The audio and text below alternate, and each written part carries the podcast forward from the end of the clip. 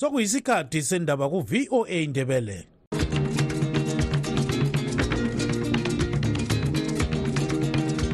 amatshono zihlobo siyalamukela kuhlelo lwethu lwezindaba eziphathelane lezimbabwe kustudio 7 eya voice of america sisakaza sisewashington dc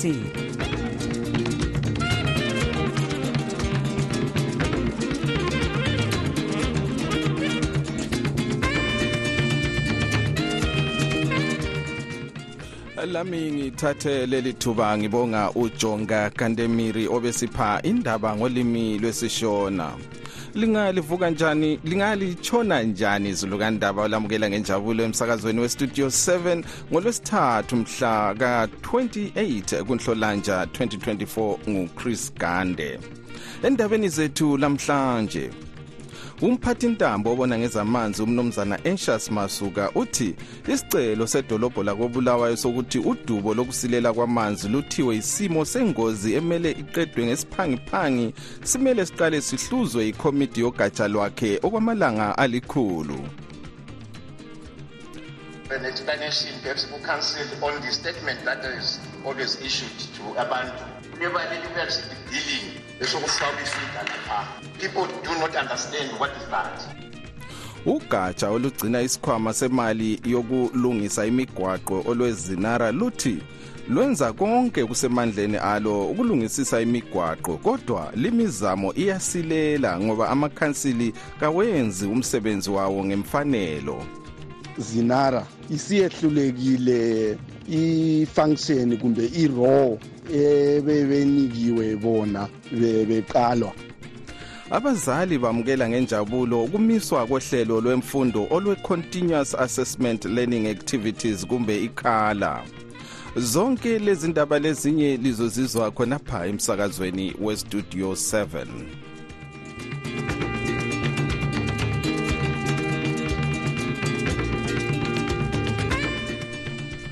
umphathintambo obona ngezamanzi umnumzana Anxious Masuka uthi isicelo sedolobho lakobulawayo sokuthi udubo lokusilela kwamanzi luthiwe isimo sengozi emele iqedwe ngesiphangiphangi. Simele siqale sihluzwe ikomiti yogatsha lwakhe okwamalanga alikhulu. Okuningi asikuzweni ku-anastasia ndlovu ekobulawayo.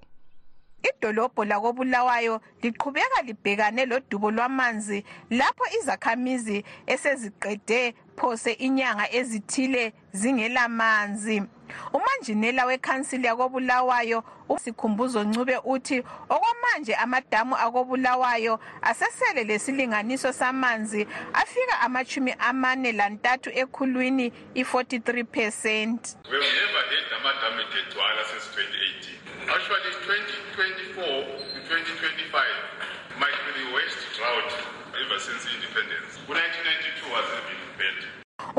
umphathintambo wedolobho lakobulawayo unkosikazi judith ncube uthi osekungezelele udubo lwamanzi yikwebiwa kwempompi enyamandlovu osokwehlise inani lamanzi abuya kobulawayo. Amanzi akhona but there is a lot of vandalism hence kungangeni amanzi um lokuzeni bagwegwe reservoir isakhamuzi sakobulawayo esihlala ecoutry park unkosikazi patricia mpofu uthi sebelesikhathi eside bengelamanzi njalo lempompi ezithwala amanzi engcekeza sezidubukile. Umgcinisihlalo webulawayo residents association umnumzana winos dube usecele ukuba uhulumende angenele atholise idolobho amanzi. As for an explanation perhaps ku-council on the statement that is always issued to abantu kuyoba leli perhaps billing. Esokufaka isida lapha people do not understand what is that. Sicela i-clarity. That has come to our attention as resident association leadership and we are saying can we have that one clarified? Umeya wedolobho lakobulawayo useneta david coltart usecele uhulumende ukuba ancede ngokubalungisela impompi ezidonsa amanzi ukuze ikhansili yenelise ukutholisa uzulu amanzi umphathintambo wezamanzi umnumzana Anxious masuka lamhlanje uhlangane losenator coltart losenator ncube bebonisana ngokuthi kungenziwani ukuba idolobho lincedakale masinya ekutholisweni amanzi. Umnumzana masuka uthe ikhomithi kahulumende esanda kubunjwa e-technical committee on improving water supply izaqalisa ukucubungula amadamu akobulawayo lezinye inhlelo zamanzi andubana ibone ukuthi isimo sokuswelakala kwamanzi kuleli dolobho kungathiwa sibi kakhulu elizweni okuthiwa yi-critical water shortage okwamanje uhulumende uphakathi kokuhamba egebha izibholane izwe jikelele emizameni yokutholisa uzulu amanzi kulandela isomiso esikhona ngenxa yokuguquka komumo womkhathi. Ngimele umsakazo westudio 7 ngisecholotsho ngingu-anastasia ndlovu. The voice of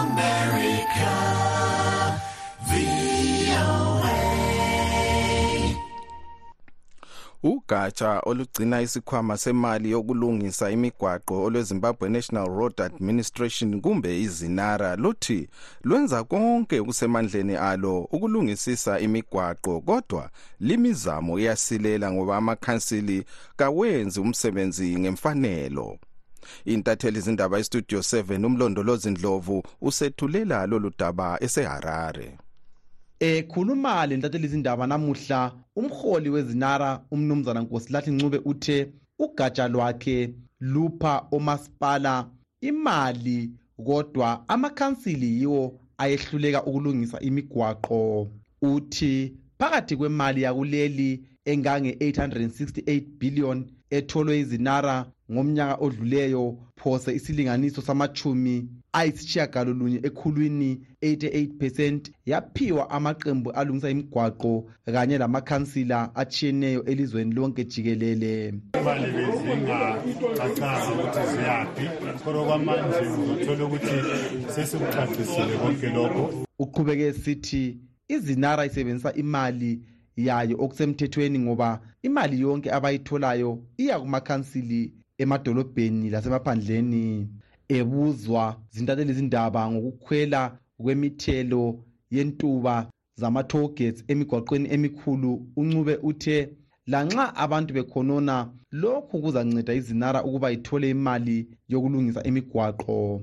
Kodwa umsekeli kasodolobho wakobulawayo umnumzana edwin dlovu uthi kavumelani lokukhulunywe yizinara esithi udubo olukhona elizweni kuba imali bayiphiwa ilidola lezimbabwe lona eligugudeka isisindo mihla ngemihla. Esikhathini esiningi o-service provider bachiye umsebenzi ngoba izinara isiphuze ukubhadala imali kumbe sibabhadala ngebhondi izimdola. Eyabe incane ingathengi akusiqiniso ukuthi ikhanseli kayisebenzisi ngendlela imali evela kwezinara inhlanganiso ezilwela amalungelo kazulu zithi kumele amakhansili aphiwe imali yokulungisa imigwaqo isuka ebantwini. Hatshi ukuba lokhu kwenziwe izinara okhokhela inhlanganiso ye-harare residence trust umnumzana marvelous khumalo uthi kumele uhulumende anikeze amakhansili amandla okulungisa imigwaqo. Izinara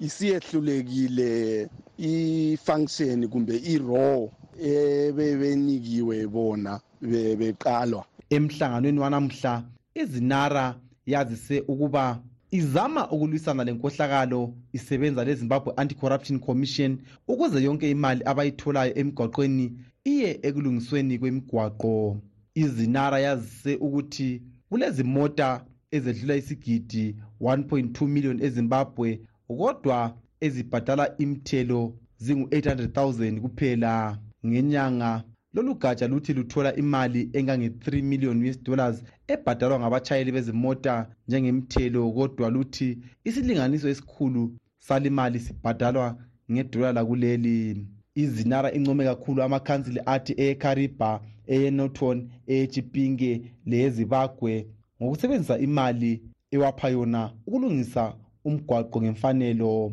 Ngimele istudio 7 ngiseharare ngimlondolozi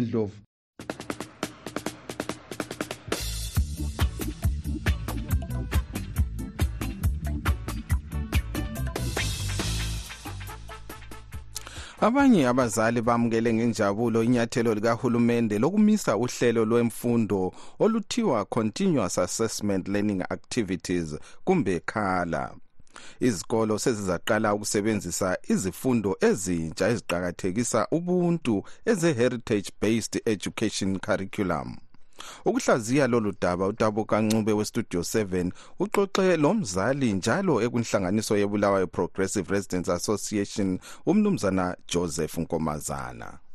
Ikhala ibilendleko eziningi kakhulu ubuthola abazali ubuthola abantwana gijima bengasaphumuli begijima besiya lapha besiya fotocopa besiya emashophu besiya edorobheni bekhipha izimali. Singazi lapha njengoba sokurejuste amalokuzeni uhlelo sebalifakile selurejuste ama-subjects akhona encepho kungaba nganini lapha ngingazikhuluma ngezendleko. Um sithemba kuzasebenza njengabazali belikukhangelele na lokhu njalo eh kube lokuxoxisana okugcweleyo na ngodaba lolo? Yikho phela abazali bebekhala ukuthi izinto lezi nxa uhulumende kumbeni i-ministry of education isenza izinto lezi kumele iqale ikhulume labazali bengakazifaki bengakakhulumi ngazo bengazi-implimenti eh kungabi luhlelo olufakwayo eh kungabi lama-consultation so khonoko abakwenza isikhathi esiningi kokucina sokulaphana futhi sokuzahlalwa phansi kukhulunywa ukuthi lapha bakwenze njani ngoba kuyabe kungazwisiseki lamatitsha abengakuzwisisi singazi kulolu hlelo ukuthi kambe bahlala phansi bakhuluma esikwaziyo ukuthi kwakha abazali konke nje lezikolo kuhlangene kwayenziwa ama-consultation ukuthi ikhala ifunakali kodwa sikhala ngokuthi i-consultation akusikwezikolo zodwa even kuma-residency lapho kuhlala khona abantu abayibo abalabanikazi abantwana. Kumele kube le-consultation ukwenze ukuthi nxa izinto lezi abantwana bebuya lazo beziphethe zivele izikolo kube yikuthi abantwana bayazazi labazali bayazazi. Udubo lokungakhulumisani lolu libona sengathi luyaphazamisa na impumela yabantwana? Eh yiko okuzenza ukuthi umthelelo wangikhona sesiya kubo O level lapha ama results angikhona kumbeni abo grade 7 ma results kungacaci kuhle ngoba eh izinto zangikhona zenziwa ngasiphangiphangi. Into zesiphangiphangi azingani aziphumi kahle. Last year ama O level results kaphuma kahle ngokubona kwethu ngenxa yona le ekhanda umthelelo wangikhona awumuhle. Ama-grade seven results umthelelo wangikhona amuhle. Akusaye kwaba kuhle kumele nxa izinto lezi bezenza bezenze kahle. Umnumzana joseph nkomazana ngumzali njalo ekunhlanganiso yezakhamizi yebulawayo progressive residents association. Ubekhuluma ecingweni lestudio 7 ekobulawayo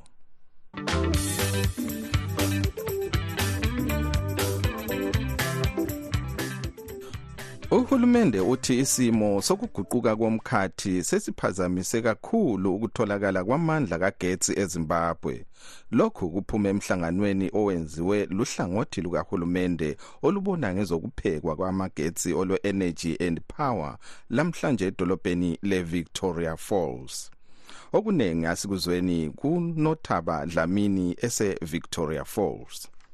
Ongunobhala jikelele walolu hlangothi unkosikazi gloria magomba utshele lumhlangano ongenwe zingcitshi zakuleli lezaphandle kwelizwe ukuba isimo sokuguquka komkhathi sesiphazamise kakhulu ukweneliswa kwamagetsi kuleli. Uthi kunje amadamu agoqela elekhariba alamanzi amalutshwane kakhulu.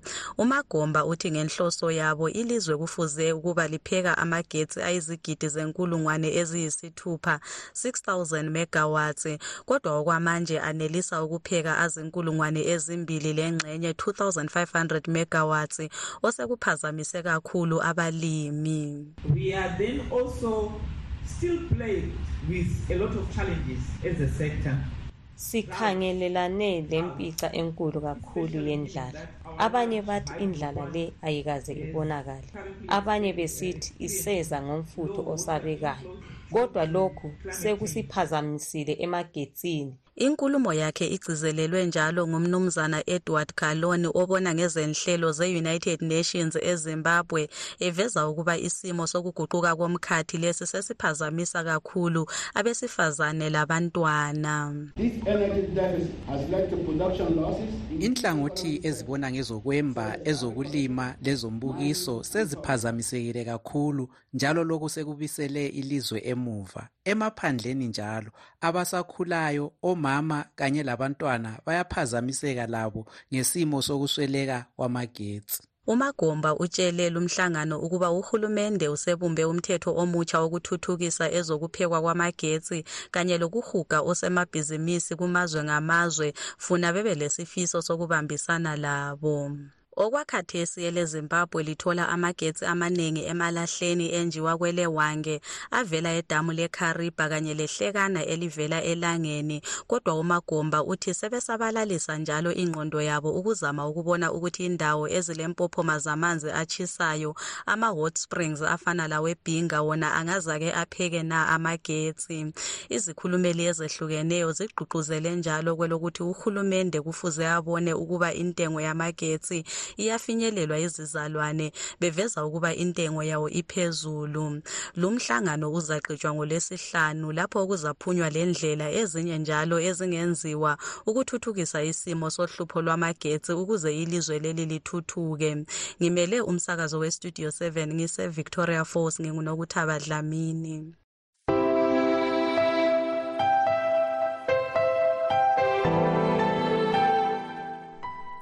abalwela amalungelo oluntu bathi baphatheke kabi ngodaba lokuthi akulamuntu osebotshiwe phezu kokubulawa kwelunga lebandla le-ccc umnumzana thafuma nei masaya lanxa sokwedlule inyanga ezintathu. Umasaya wathunjwa ngabantu ababehlome ngemibhobho abacatshangelwa ukuthi ngabacuphi ama-cio kumbe amalunga ebandla lezanu pf nyakenye ngolwezi ngesikhathi kulungiselelwa ukhetho lwama-by-elections watholakala efile eharare ethunjwa wayephakathi kokudingela usekelo ilunga le-ccc elalincintisela elalincintisa lelunga lezanu pf umnumzana scott sakupwanya kukhetho lokudinga umeli wemavuku tafara edalele ephalamende. Umfelokazi kamasaya utshele istudio 7 kusukwana esanda kwedlula ukuthi ukhathazekile kakhulu ngokuthi ababulali bomyeni wakhe lokhe bengakabotshwa untungameli inkomo westudio 7 uxoxele ilunga le-ccc umnumzana swithan jirowotsa silokucabangela ukuthi engabe engumuntu owathunjwa ngabantu bengamalunga ezanu p f. Ngakho-ke amboni ukuthi kungaba lo muntu ozabanjwe wenzela ukuthi kube lesijeziso esiyakwenza ukuthi abantu bengakwenzi khonokho. Ngatsho ukuthi indaba le ibanzi kakhulu ngoba unanzela ukuthi amacala bethwele ama-AK47 umbhobho othiwa yi-AK47 kuyenzakala lapha ezweni uswelakala umuntu obotshwayo. Kulo mfana lo udakudzwa ngadziwori othunjwe ngamadoda omunye wakhona waphuma ebulenjini ephethe i-AK47 lakathesi amapholisa kazange abambe lowo muntu kodwa ulokhuzeni isithombe sakhe saphuma ebulenjini. Umuntu lo ibizo lakhe liyaziwa. Umuntu yena lo ocatshangela ukuthi engabe unguye owathumbu udakudzwa sikhangele uwilbert werenka empophoma ngathi ukuthi iminyaka edlulileyo. Kwasetshenziswa i-folded but AK47 rifle bemthumba endlini yakhe. Eh labo abamthumbayo awuzange eh kubotshwe umuntu. Kusisho ukuthi akusokube lesijeziso now sesibuya endabeni nale ekamasaya abantu abacatshangelayo kuyaziwa akuzange kube lesijeziso awuzange ubanjwe umuntu amapholisa akhanya engafuni ukukhuluma ngodaba lukamasaya lolu. Isizathu mhlawumbe kungaba kuyikuthi aphezu kophenyo yini ngokunjalo kafuni ukuveza lokho asekutholile ngoba mhlawumbe kungalimukisa omabulala bagcine bebaleka. Ngitsho bafo indaba ekhona lapha yikuthi lelo pholisa eliyabopha abantu abacatshangela ukuthi bengabe bathumba. Eh lelo pholisa liyabe lizaxotshwa emsebenzini enxa lihanjise endaweni enyabo siyabhuwa ebhinga le khatshana le. Kumbe lixotshwe emsebenzini kumbe lihlangane lokunye udubeka angazange alokhuza ahlangane lakho. So kuyaziwa amapholisa yona ayazi ukuthi indaba nxa ikhanane lento lezanu p f phakathi sokumele uyibambe leyo ndaba ngokulimuka ngoba osahoho amapholisa ngamalunga ezanu p f. sokunzima ukuthi umthetho bewuphathe ngendlela kuleli lizwe ngenxa yokuthi izanu p f kayinanzi amalungelo oluntu. Lo ke ngumnumzana Swithan Jirowotsa ilunga lebandla le-CCC istudio 7 ilesikhathi izama ukuxhumana lesikhulumeli samapholisa uassistant commissioner Paul Nyathi ngalolu daba kodwa esithi akekho ehofisini. Lamuhla incingo zakhe bezingadotshwa.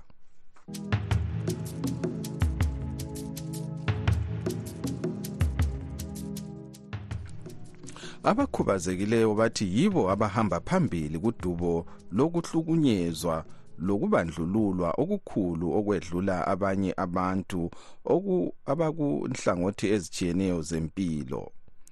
Ulusi selemani yasini usethulela lolu daba ngugcweleyo eseharare. Ezinye zezinhlupho ababhekana lazo abakhubazekileyo bathi yikungaqakathekiswa imibono yabo ukubandlululwa imigoqo ebenza benganelisi ukufinyelela imfundo usizo lokwelatshwa ukungaqhatshwa emisebenzini lokuchiywa phandle kwezinye inhlelo zokuziphilisa osakhulayo. Utariro gurure okhubazekileyo ohlala kobulawayo ulandisa ngezinye zezinhlupho ababhekana lazo. Into engingathi zikhangele ikakhulu ukuvama okuyenza ukuthi siswele yikuthi amankampani awafuni ukusiqhatsha nxa ulokugoga njalo usungathi uthengise wena emsikeni kumbe estradeni. Imali yangikhona iyabe ingayenelisi ukuthi ikugcine.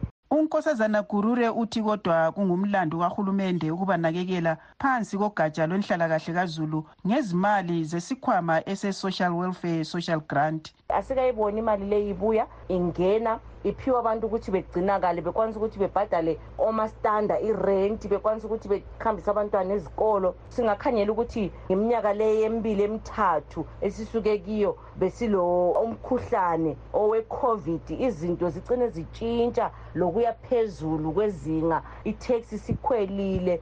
Ongathandanga ukuthathwa amazwi umnumzana brighton musara waseharare ngomunye wabasakhulayo osebenzisa inqola njalo engokhubazekileyo uthi akazalwanga ekhubazekile kodwa wabuya ngemva kokulimala kwakhe engozini yokuwela emthonjeni wamanzi. Yena-ke uthi waphazamiseka ezifundweni ngoba engasanelisanga ukuphutsha uform 4 kunje ubrighton uthi uyehluleka ukuziphilisa esengogcinwa yizihlobo efisa ngabe uyatholiswa laye amathuba azenzele ukuze aphile laye impilo engcono. Useneta anashiri okhubazekileyo omela abanye bakhe edale lephalamende uthi kuqakathekile ukuthi kulandelwe okumunyethwe yisisekelo sombuso welizwe ekulinganisweni kwamathuba lokungabandlululwa kwabo. Abantu bonke balingene. Akula muntu kumele abandlulule omunye umuntu lo mhlobo lolimi kumbe le-disability emhlanganweni wamazwe omhlaba owe-world government summit osanda kuqhutshelwa edubai umongameli emerson mnangagwa utshele abakade bekhona ukuba elezimbabwe lilizwe elizinikele ukunakekela izizalwane zalo zonke kungela ochiywa phandle. Since the advent of the second republic in 2018 the government of zimbabwe has implemented multi-pronged strategies for sustainable development uhulumende wezimbabwe useqhube inhlelo ezimbalwa zentuthuko njalo engekho ochiwa phandle. Selokho uhulumende wesibili wangenayo embusweni ngomnyaka ka-2018 babalelwa kwabaphezu kwesigidi esisodwa abantu abalokukhubazeka okuthile ezimbabwe.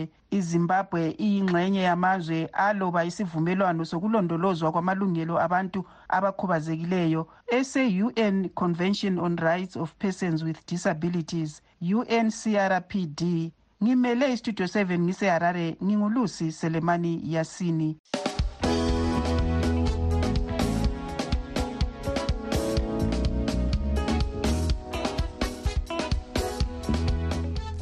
kusigaba sabadabuka ezimbabwe abahlala kwamanye amazwe lamuhla sixoxa lo nkosazana sakhile mabhena umqondisi we-mancris kitchen ejohannesburg kwele-south africa.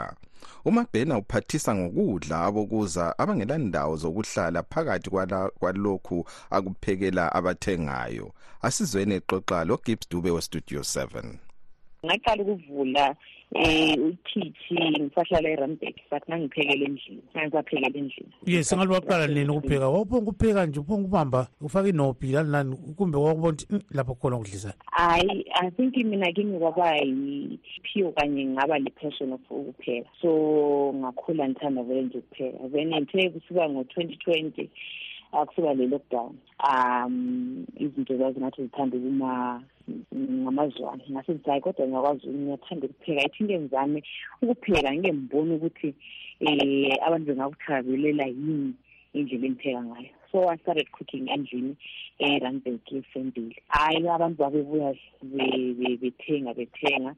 Then ngase ngimuva etroyville etroyville ngafika lapho ngathengiwe ngaqala nakhona futhi ukuthengisa abantu hayi babebuya in-numbers uh, up until um one of my friends um ubrian or one oyi-owner yasendozis wasengi-introducer kwe-for farmers market. Yikho-ke lapho hhayi igama lahle lakhula elekamankrey ukuthi hhayi kulo mankrey opheka i-forest market. Mm, so indawo wathi macri phela ama-christmas kuyizicabhobo ye hhayi angithi um sesikhula lathi sasibizwa ngabo mankrey so ha ngase ngibona ukuthi hhayi vele si- ba- bathanda ukungibiza ngabo mankrey so i had um i'm um i'm good friends no nobhuti ulavas ulavida. So wayethanda ukuthi mankrey mankrey labangani bethanda ukuthi mankrey yini so ngasethi ah ithi ngishe igama leli ngindani yilenzi nje libe official nje ngishe ngi- ngibize ithi mankrey community kitchen lahle laqala kanjalo. Mm, kuyasebenzeka kodwa? Hayi kuyasebenzeka khona. Yazi ukuthi i- when it comes to i- i-business kufuna ukuthi uzimisele ayikho into eyalula. There are times lapho bengifuna khona ukuthiya akukho lula. Akukho lula baba ngifuna ukukhuluma amanga Aku- akaze kwaba lula. Kodwa ngokuzimisela kanye nokuthi um into nxa uyithanda. Yabona uma usenza into uyithanda noma kungaba nama-losses amangaki you keep on trying up until you get it right. Hmm. singathi-ke kodwa uyakuzuza nje ukungena ezikhwameni kede uzuza sokuthiwa-ke nxa abantu ungalamba uthola umuntu elambile engelalutho uyangena khonapha adle nje. Akusitshele ngomabutshana wakhonokho yebo e- ekhaya ngaf- ngafundisa ubuntu kahle kahle. So i do help. I do help um bengibona okunye ukudla bekusala benginokuxhumana lo nobuhlezi joe foundation ngihambise kudla kuthi ngafundiswa kuthiwa isandla esika e- i- isandla sika-right. Xa sithe sapha lesi sika-left masingabi sazi. Nasafundisa ukuthi ungabofafaza ukuthi no ngincedilayo kodwa awu- akube phakathi kwakho lo mdali. Yikho so um so whenever uma kukhona uh, umuntu esithi ulambile um ngiyamupha ngoba asafundiswa ubuntu ekhaya ukuthi um kumele sisiza singabantu.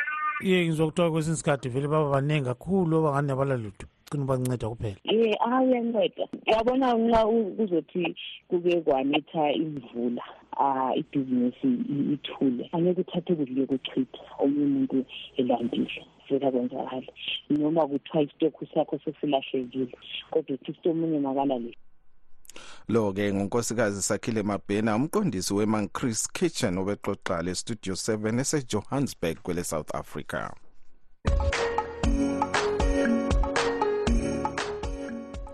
Kuhlelo lwe-live talk lamhlanje sixoxa-ke ngalalabo abadabuka ezimbabwe behlala kwamanye amazwe. Kodwa-ke kwamanje ke sizwe imbono yenu balaleli bethu elisithumele ngewhatsapp.